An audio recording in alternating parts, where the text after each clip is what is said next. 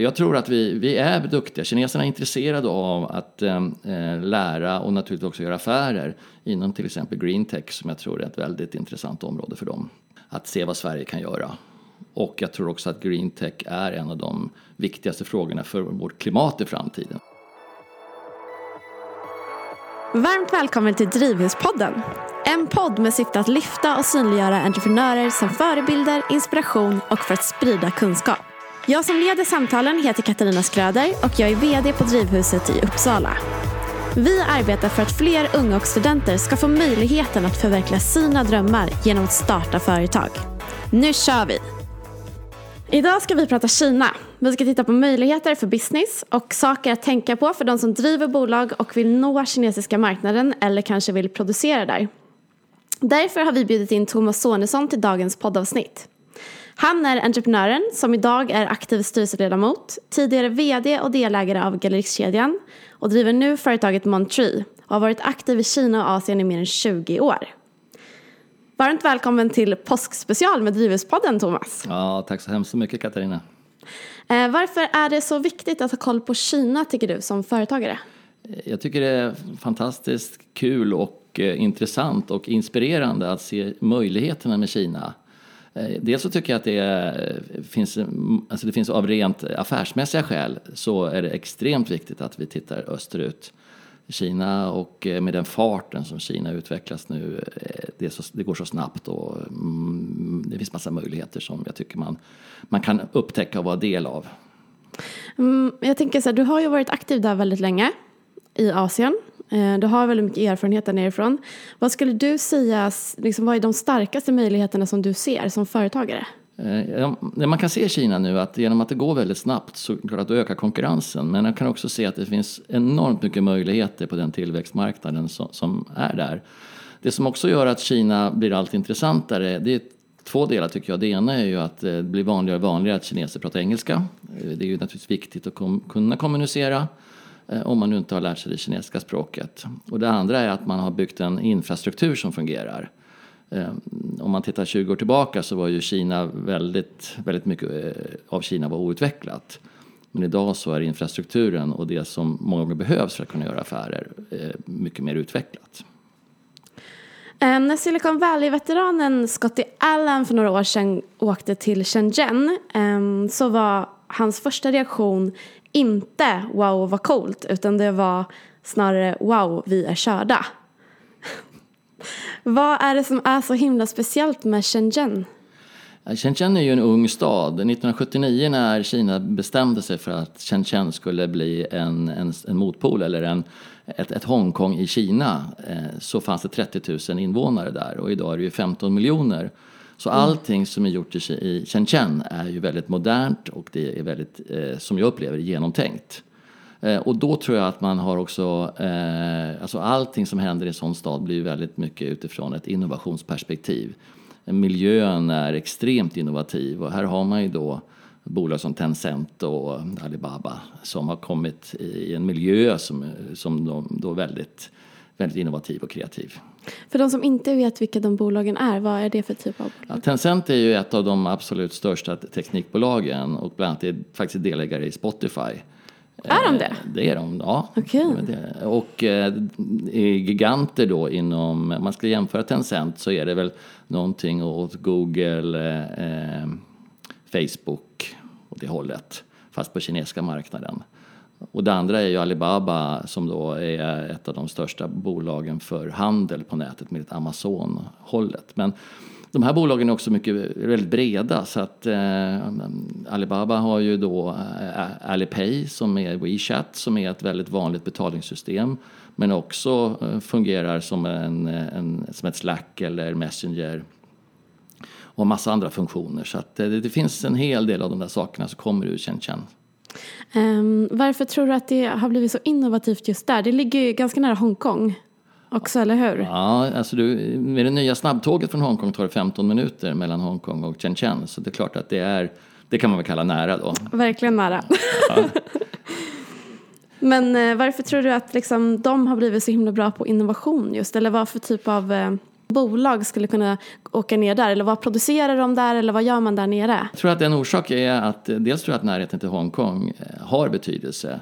Eh, det är min egen uppfattning eh, och jag tror också att när man bygger någonting nytt på det här sättet så tror jag också att man, man bygger för framtiden. Och Kina har ju varit mycket fabriker. Eh, men det hela området, alltså området Guangdong då, där Shenzhen ligger, det är ju ett område som har eh, som har varit en frihandelszon i ett väldigt, under väldigt lång tid. Jag tror också det har gynnat det här att man alltså går från att vara en produktionsstad eh, som många andra städer i Kina till att vara en innovationsstad. Um, men vad kan vi dra för nytta tror du av att Kina är en av de faktiskt främsta och ledande inom just innovationer? Jag tror att eh, mm, alltså, vi har en global värld och jag tror att om, om vi svenska entreprenörer och innovatörer eh, tittar lite grann på Kina som vi gjort på USA under många år. Att vi åker dit för att både lära oss vad Kina kan ge oss men också förstå vad vi kan ge Kina. Eh, för att vi har väldigt mycket i Sverige som jag tror skulle vara väldigt intressant att bidra till att utveckla i Kina, till exempel inom green tech där vi är duktiga. Eh, jag vet ju att eh, en av, eh, eller två av dina söner är nere och bor i Shenzhen och driver bolag där nere också. Mm. Shigo Studios, kan inte du berätta lite grann om det? Mm, ja, Shigo Studios är ju lite, lite spännande. Det är, för det första är det jättespännande att ha den kontakten med marknaden i Kina som man får när man har verksamhet som faktiskt är stationerad där. Och det här börjar ju med att min äldsta son Kasper då börjar sälja eh, skinnartiklar, läderartiklar på Amazon och producerar dem i Kina. Men nu har vi utvecklat verksamheten så att nu eh, jobbar vi med så kallad sourcing, det vill säga att man letar produkter åt bolag, främst i Sverige. Eh, kvalitetssäkrar, eh, produktutvecklar och eh, sen eh, skickar tillbaks till Sverige då. Så att, eh, och det som är så fantastiskt spännande är att, att det här går att göra. Mm. För jag tror många, det, det, som är mest, så att säga, folk överraskas mest av, att men går det liksom? Och jag mm. menar, det, det gör det. Eh, det är bara att vi är väl lite ovana och lite rädda för eh, kultur, språk, eh, statsskick. Massa saker som vi inte liksom, vi förstår inte och kan det inte. Och om det är så att man inte liksom vågar åka dit och titta, för jag tror många har en åsikt utan att ha varit där. Absolut. Eh, och när man åker dit och så ser man att det här är ju, alltså det är ju möjligheter bakom varje hörn. Mm. Eh, och då tänker man kanske att men här kanske det borde gå att göra någonting. Eh, och i det här är, ska man säga då, utmaningarna som man har här så det är klart att det är en hel del eh, saker som inte går som man tänkt sig. Eh, jag vet att Kasper satt sig i en taxi någonstans och hamnade på helt fel ställe eller om det var en buss bara för att han inte förstod, det var ingen som förstod engelska. Mm. Det finns massor med exempel där språkförbistringar och kulturförbistringar skapar en hel del eh, eh, ja, rätt så roliga effekter i alla fall efteråt.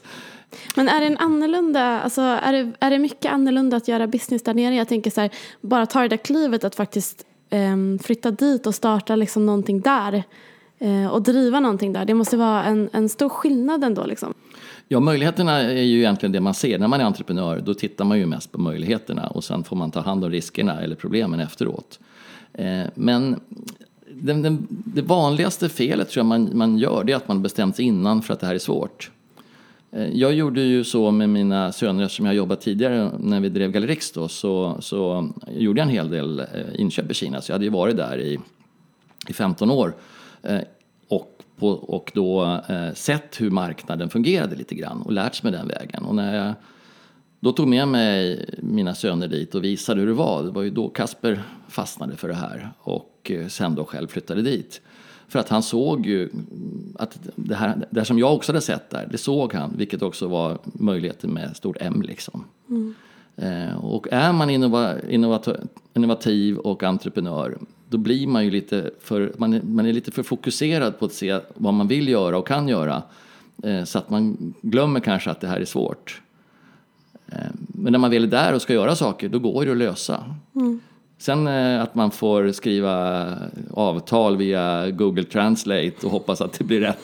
Eller att man på andra sätt, så att man får, taxichauffören får prata med någon på kontoret för att man ska hitta hem och sådana saker. Det, det, det finns mycket hjälpmedel idag också så att det, det, det, det mesta löser sig.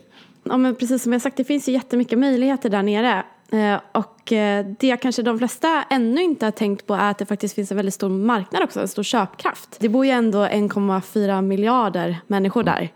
Och det är ju ganska relevant för de flesta internationella företag i alla fall att eh, fundera på hur man faktiskt går in på den kinesiska marknaden. Tittar man på eh, Wellington, deras största marknad nu är ju Kina. De har gått om USA. Mm. Men jag tror inte heller det är allmänt känt att det är så.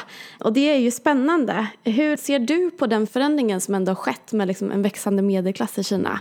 Tror du att företagen är på plats eller bör fler kanske titta åt det hållet? Jag, jag, tror definitivt inte att vi är beredda på det, eller ser det. Jag, om jag läste här nu sista kvartalet så var första gången som svenska exporten var större än importen från Kina. Och det är ju sådana här saker, när man hör om det så blir många kanske överraskade. Och tittar man i ett längre perspektiv så borde ju våran export till Kina kunna explodera med tanke på den enorma tillväxten det har och den stora medelklassen som, som har skapats bara på några årtionden. Eh, och här tror jag vi kan, jag tror nästan vi ännu mera kan bli duktiga på att sälja tjänster och innovationer än kanske produkter. På vilket sätt då, tänker du? Jag tror att vi, vi är duktiga. Kineserna är intresserade av att eh, eh, lära och naturligtvis också göra affärer inom till exempel green tech som jag tror är ett väldigt intressant område för dem. Att, eh, att se vad Sverige kan göra. Och jag tror också att green tech är en av de viktigaste frågorna för vårt klimat i framtiden. Så det, det, och det, det, som är intressant, det som är viktigt för vårt klimat det är också ännu viktigare tror jag för kanske Kinas klimat för de har ju påtagliga saker att ta tag i när det gäller klimatet. Absolut. Och då tror jag att våra innovationer kan bidra till att hjälpa dem. Eh, men hur ser du, liksom, om man vill komma in som företag men är nyfiken på Kina och liksom komma in på den marknaden. Har du något tips för hur man ska gå tillväga eller vad man ska tänka på? Jag, jag tror egentligen det första man ska göra är att åka dit. Eh, antingen så åker du med någon, det finns ju en del resor som sker i organiserat och med Business Sweden eh, och liknande. Eh, eller också så gör du så att du helt enkelt tar dit på egen hand med turistvisa och besöker de här städerna i Guangdong och kanske Shanghai. Och, och liksom bara insuper atmosfären. Och man, är man lite entreprenöriellt lagd så kommer du liksom inte åka därifrån och känna att jag, jag är klar. Utan då kommer du att vilja åka tillbaka igen. Och då kanske du kan börja mera sondera terrängen. Eh, undersöka med Business Sweden eller andra organisationer som finns på plats. Mm. Eh, men till exempel när, när, vi, eller när Chagoo startade så vi, Kasper gick in på ett, eh, någon sån här ekonomibyrå i Hongkong och startade ett bolag. hade ju ingen hjälp av någon utan det var ju liksom bara, man var tvungen att göra det. Då, då, då, då får man hjälp att lösa det. Mm. Eh, så att det, man behöver ju inte, och dessutom kunde han ju inte ett ord kinesiska heller. Så att det, är inte heller, det är också liksom en, en oro som man kanske har att äh, men jag kan inte åka dit för jag kan inte kinesiska. Men, men eh, man kan klara sig väldigt långt med eh, både de översättningsappar som finns och att eh, faktiskt fler och fler i Kina pratar engelska. Det är ju väldigt häftigt. Jag var ju själv där i eh, januari eh, och det går ju inte att undvika att det är en otroligt så här, speciell eh, miljö på det sättet att den är väldigt, det känns som framtiden på något sätt. Att framtiden är på väg, eller är där liksom. Och att, att man kan se väldigt mycket eh, olika möjligheter i och med det. Um, och sen så har ju även, som jag förstår det, vissa så här brands som är svenska etablerat sig där mer också. Jag tänker på Nomi. Mm. Det är ju ett svenskt livsstilsbrand, eller hur? Ja, det är eller? inspirerat av, av, av eh, svenskar. Mm. Och då tror de har 300 butiker i Kina. Och de, de har lite, ska man säga, att de har väl inspirerats av Ikea också för att alla produkter heter svenska namn designers som finns där eh, är svenskar. Eh, det finns uttryck på väggarna där säger hej och hej då och så vad betyder det på kinesiska. Så att vi ska inte underskatta vikten av att det skandinaviska eh, sättet att leva är intressant eh, borta i Asien. Japaner vet vi sedan tidigt är väldigt intresserade av det svenska men det finns i Kina också. Och det kan vi dra nytta av. Många producerar i Kina fortfarande mm, mm. och gör det. Är det någonting man liksom bör tänka på? För jag tänker ni som är expert inom det området. Om man ska ge sig in och börja producera där. Jag har förstått att det kan finnas väldigt mycket ja, men, eh, olika mm, eh, saker man bör tänka på. Ja, alltså om man, om man är inne i produktion då. Nu, nu är inte vi inne så mycket i, i high tech. Nej. Utan vi är ju inne då i lite enklare produktion. Men det man måste vara beredd på det är att, eh, att beskriver du någonting utifrån vad du tycker är väldigt tydligt på ett svenskt perspektiv så kan det uppfattas mera som ungefär i Kina. Och då blir det ju ungefär eh, lite annorlunda i, i, när man får hem varan också. Och det, det, är väl en av de sakerna som Chergo eh, har som kan göra nytta för svenska bolag. Det är att göra eh, västerländsk kvalitetskontroll. Och även hjälpa, till med väster, hjälpa västerländska bolag att beskriva hur en produkt ska se ut. Eh, för även produkter som kan till synes vara väldigt enkla kan bli väldigt fel. Eh, vi har ju gamla exempel från gallerikstiden när vi gjorde såna här tavlor med texter eh, och när vi hade skickat texterna dit så tyckte vi var glasklart att de inte skulle vara upp och ner. Men de förstod ju inte västerländska texter, de som satt i fabriken och jobbade. Så att det blev ju lite mindre bra då när de kom hem. så det, det, finns gott om felkällor mm. och jag tror att du kan lyckas genom att göra en beställning på Alibaba och det kommer hem som du har tänkt dig. Men nästa gång kan det vara något helt annat du får. Mm. Så ska du jobba professionellt med Kina så måste du ha någon form av närvaro. När vi pratar om så här Kina och, eh, och din koppling till Kina, förutom att du har varit där väldigt länge och, och jobbat på olika sätt, eh, så har du ju också gått in och investerat i Dragon Gate. Ja. Kan du inte berätta lite, vad är det? När folk har förstått att man har investerat i Dragon Gate så bör, får, får de något konstigt uttryck, ungefär som att jag trodde ju faktiskt att du var smartare än så. ungefär. Sådär. Eh, det är den ena. Den andra är att ni är galna och det tredje är väl att ni är modiga. Eh, och vi är ju ett gäng Uppsala-entreprenörer som är med i det här projektet eh, tillsammans med Sisyfosgruppen då. Och vi tycker att det är, jag tror att entreprenörer generellt sett går igång på det galna. Man går igång på det galna som är, eh, som skapar eh, dels lite unika möjligheter men det skapar också eh, någon form av Eh, alltså om, om, man ska tänka så här istället, att om Dragon Gate hade varit det det var förut, det vill säga ett, eh, ett hotell med ett hjärta på, hette Älvkarlen, det hade varit helt ointressant att investera i. Men nu när det byggdes eh, om av Mr Lee då på det här sättet och blev någonting helt galet som inte finns någon annanstans i hela Europa. Då blev det helt plötsligt ett, ett, ett varumärke i sig och en möjlighet i sig. Eh, så där ser, har vi nog sett stora möjligheter i att det verkligen är en eh, det blir symbol för ett samarbete mellan Sverige och Kina också på ett väldigt spännande sätt. Mm. Och för de som inte vet vad Dragon Gate är så är det, vad ska man säga, ett kinesiskt palats? Nej men det är ett hotell, det är en, eh, ett väldigt häftigt ställe som ligger längs med E4 precis innan Gävlebro. Eh, vill du förklara det lite bättre än mig? jag sålde inte in det så bra där. Nej, men Dragon Gate är ju, eh, det var, från början var det ju en rastplats. Eh, när E4 drogs om efter att tidigare gått in i Älvkarleby så ville Älvkarleby kommun någonstans fortfarande finnas med eh, mot den stora trafiken som går på E4. Då. Och då byggde man rastplatsen eh, Älvkarlen eh, och ett hotell. Och haft olika operatörer där. 2005 tror jag det var som Mr Lee köpte det här och började bygga om det här till en kinesisk port mot norra Europa. Och eh, det, blev, det var ett hotell med 60 rum, det byggdes en eh, restaurang med en jättestor båt med en drake. Det byggdes ett, en Himmelska fridens torgkopia på 7000 kvadrat. Ett museum med 250 meter lång gång. Eh, 200 terrakottakrigare som väldigt märkligt finns där. Och ett Shaolin-tempel då som, med 1500 kvadratmeter yta som också fanns där av någon anledning. Men det är Dragon Gate. Och precis i dagarna, eller för några veckor sedan, så eh, startade vi hotellverksamheten genom att vi som är engagerade från Uppsala håll då, där bland annat du också är det. Men eh, du är väl ett exempel på det här modiga, roliga. Ni är ju ett gäng eh, tjejer som är delägare med ert bolag Dragon Queens. Mm. Och jag tror att ni kanske lockas lite av samma nyfikenhet mm. eh, och det här galna, det här annorlunda, det här eh, lite mystiska.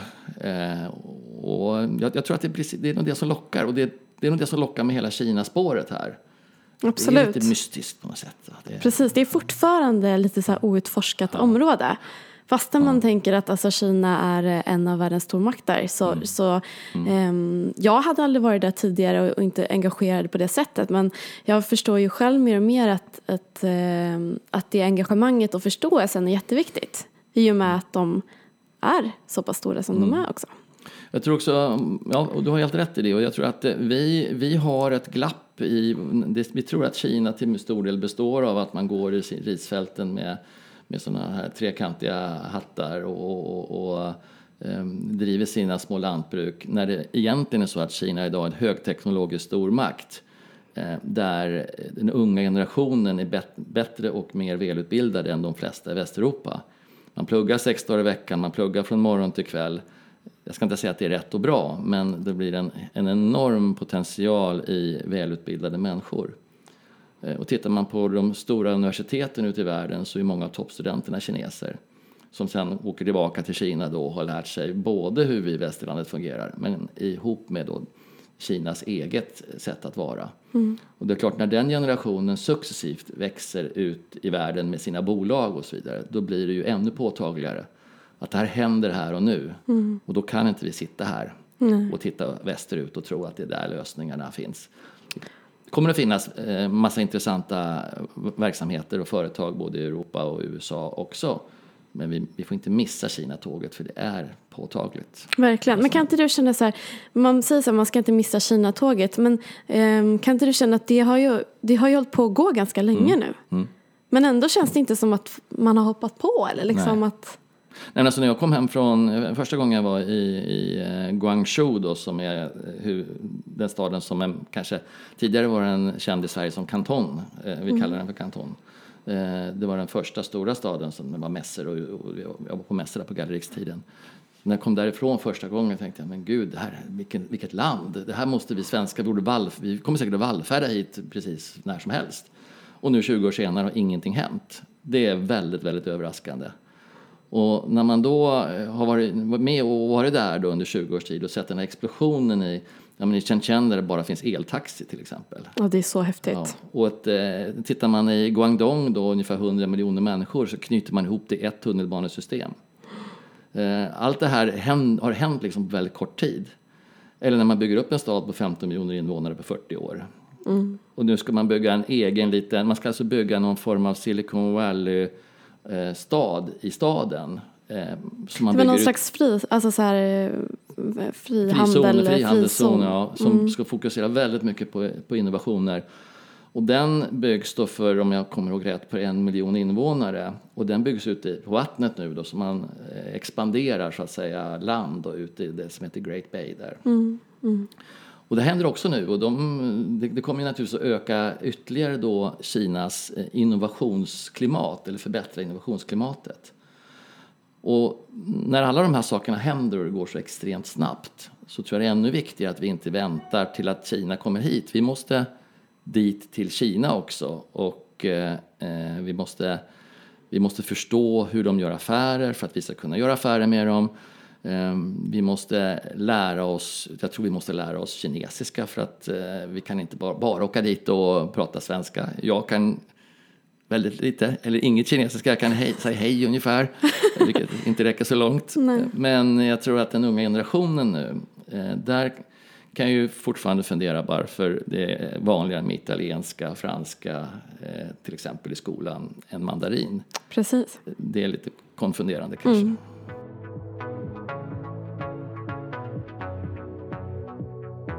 Men för Kina börjar också bli lite dyrare att producera i. Ja. Sydostkina då som kanske börjar bli det dyraste. Och när vi började här för 20 år sedan och, och, och producerade ramar till Gallerix då tror jag att minimilönen som var lagstadgad då var ungefär 800 kronor eh, i månaden. Idag, nu är det ju inte minimilön man pratar om här för här är ju konkurrens om arbetskraft. Så att det ligger mellan 3 och 7 000 kronor, RMB då, vilket är nästan 10 000 kronor uppåt där. Så det är ju inte, jämför du med Bangladesh, Vietnam, Indonesien och framförallt Afrika som kommer så är ju, det blir ju så när ett land växer i, i eh, och medelklassen ökar, då blir det ju också konkurrens om arbetskraft.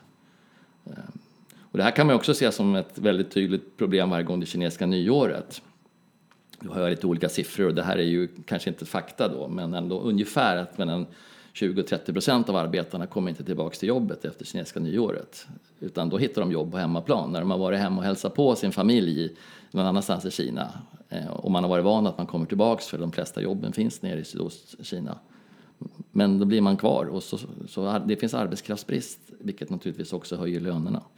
Vilket är då en del av konkurrensen i ett växande samhälle. Mm. Om vi återkopplar till Dragon Gate igen då och, och, den kopplingen. Vad kommer hända nu liksom? Och hur ser du symbolvärdet för Dragon Gate? Och det är ju ändå en stark koppling till Kina. En sak som blir väldigt påtaglig koppling mellan öst och väst det är ju det Shaolin-tempel som vi bygger då för asiatiska kampsporter och hälsosporter. Eh, där man eh, från och med mitten på juni nu då ska kunna ha träningsläger och aktiviteter där vi tror och hoppas att man ska komma från hela Europa eftersom det här är unikt för hela Europa just när det gäller den här typen av anläggningar. Eh, så det hoppas vi ska bli ett spår, ett hälsospår. Då. Eh, sen har vi då hotell och vårt torg som då vi tror ska kunna bli en eventarena. Vi har ju några lite spännande projekt, någon technofestival och grejer här i sommar, så vi får väl se vad det, vad det landar i. Men själva Dragon Gate som hotell kommer inte att gå att hyra ett rum i taget så att säga, utan vi, det vi hyr ut till sällskap, eh, företag och så vidare, och minst ett våningsplan, alltså tio rum i taget. Så att det blir mer som en konferens och eventanläggning än att det blir som ett, att man kan hyra strörum. Eh, så det är väl lite grann vad som kommer hända där. Mm. Sen är det så att vi har ju, det är byggt på en och en halv hektar och vi har ju 16 hektar nästan. Så att det kan dyka upp mycket spännande grejer. Man får se vad som händer där ute med andra ja, ord. Det, det vet vi inte ens själva. Precis, och det är väl det som är det härliga med eh, just entreprenörskapet, att man ibland måste våga ge sig ut i det okända lite. Men hur ofta är du i Kina nu? Under det här året så har jag åtta arbetsveckor där. Så att uh, ungefär var sjätte, var åttonde vecka så är jag i Shenzhen och uh, jag bidrar på mitt sätt med min erfarenhet till att Chaigu då ska uh, det växt, vi har växt väldigt snabbt. Okej. Okay. Är det stor efterfrågan? Ja, vi har, vi vi har väl tvung, nästan inte vågat ta in nya kunder för att vi liksom vill säkerställa att det vi har nu är, fungerar. Eh, så att vi försöker väl ta ett litet steg i taget då. Men från hösten 2018 och fram till nu så, så har det fullkomligt exploderat i, i arbetsuppgifter. Varför tror du att det är så då? Att det är så stor efterfrågan? Många har ju då kanske varit, åkt till Kina och så har man gjort affärer och så har man åkt hem och så kanske det inte har blivit vad man har tänkt sig. Eh, men genom att man då har hittat en kontakt i Kina som, som förstår den, eh, det sättet vi tänker kvalitet och, och Eh, design så har det nog lockat en del att prova att gå via oss istället. Så det tror jag är, är grund, grunden till det hela. Mm.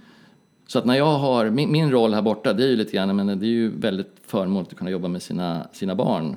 Eh, och framförallt att de tycker att det är okej att jag åker dit. Men det kanske har att göra med att jag har ändå haft, jag varit entreprenör i 40 år så någonting kanske jag kan bidra med. I und, undvika misstag eller något sånt där. Eh, så att, men, men en, en, stor del av det jobb jag gör när jag sitter där, när jag jobbar på det kontoret eh, som, som jag har i Shenzhen, så är det ju att sitta och lyssna på vad de säger, hur de gör och så vidare och sen hela tiden då kunna då eh, jobba med frågor, hur tänker ni där, varför gör man så här och har ni provat det och så vidare. Så att jag är ju egentligen inte där, det är lite mentorskap över det hela och då blir man ju ofta då ett bollplank och inte, för de har också lärt sig väldigt mycket om Kina-marknaden som inte jag kan. Mm. Så att det blir ett bra utbyte där. Otroligt mycket av att vara på plats. Väldigt viktigt att vara på plats. Mm.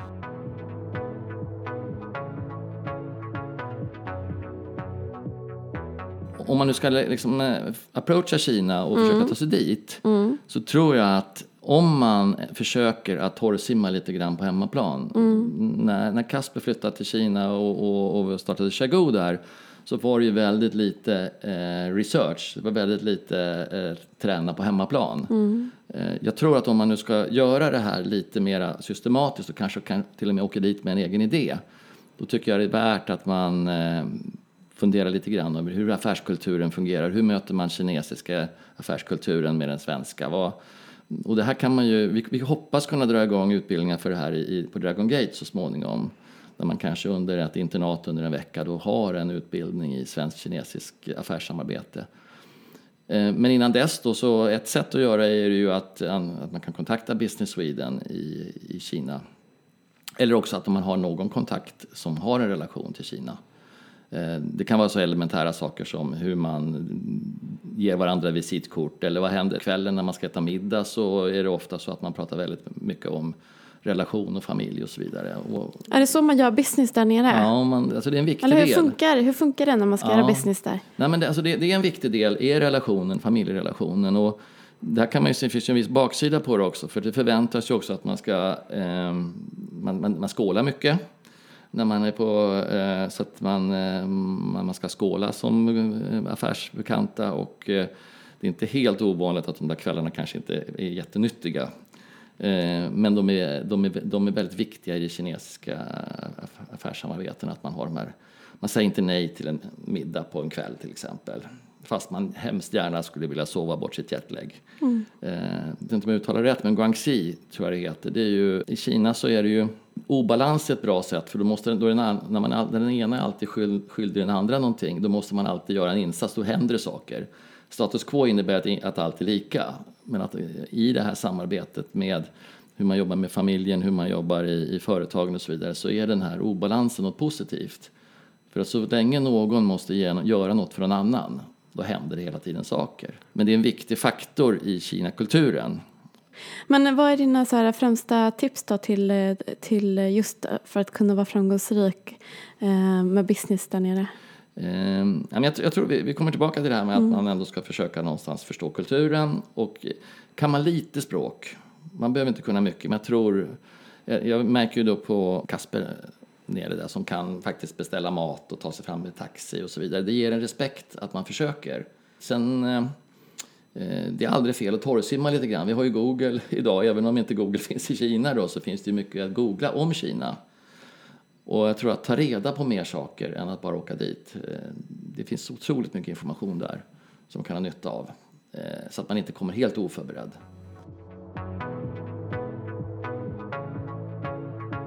Jag tänkte testa din, din kinesiska kunskap lite så här. Hur bra är du på mandarin egentligen? Jag är exakt eh, usel. Okej. Eh, jag kan två ord. Ni hai, vilket är hej, Ja. och gambei, vilket är skål. Är det de två orden man behöver att jag kör de runt? två hela tiden. Så du vet inte hur man säger tack för idag eller så? Nej, och jag tror att jag har försökt träna på det där, men så när jag åker hem så glömmer jag. Okej, ja. Jag tror att det är någonting så här chiche. Ja, tje, det är det ju. Ja, Som ett tack. bra. Tje, Ja. är tack. Exakt. Eh, så chiche Thomas för att eh, du var med idag. Tack så Tje, tje. För att du delar din kunskap om Tack Kina. så mycket för att jag fick vara med och prata om Kina. Och eh, trevlig påsk. Tack detsamma. Tack för att du lyssnar på Drivhuspodden.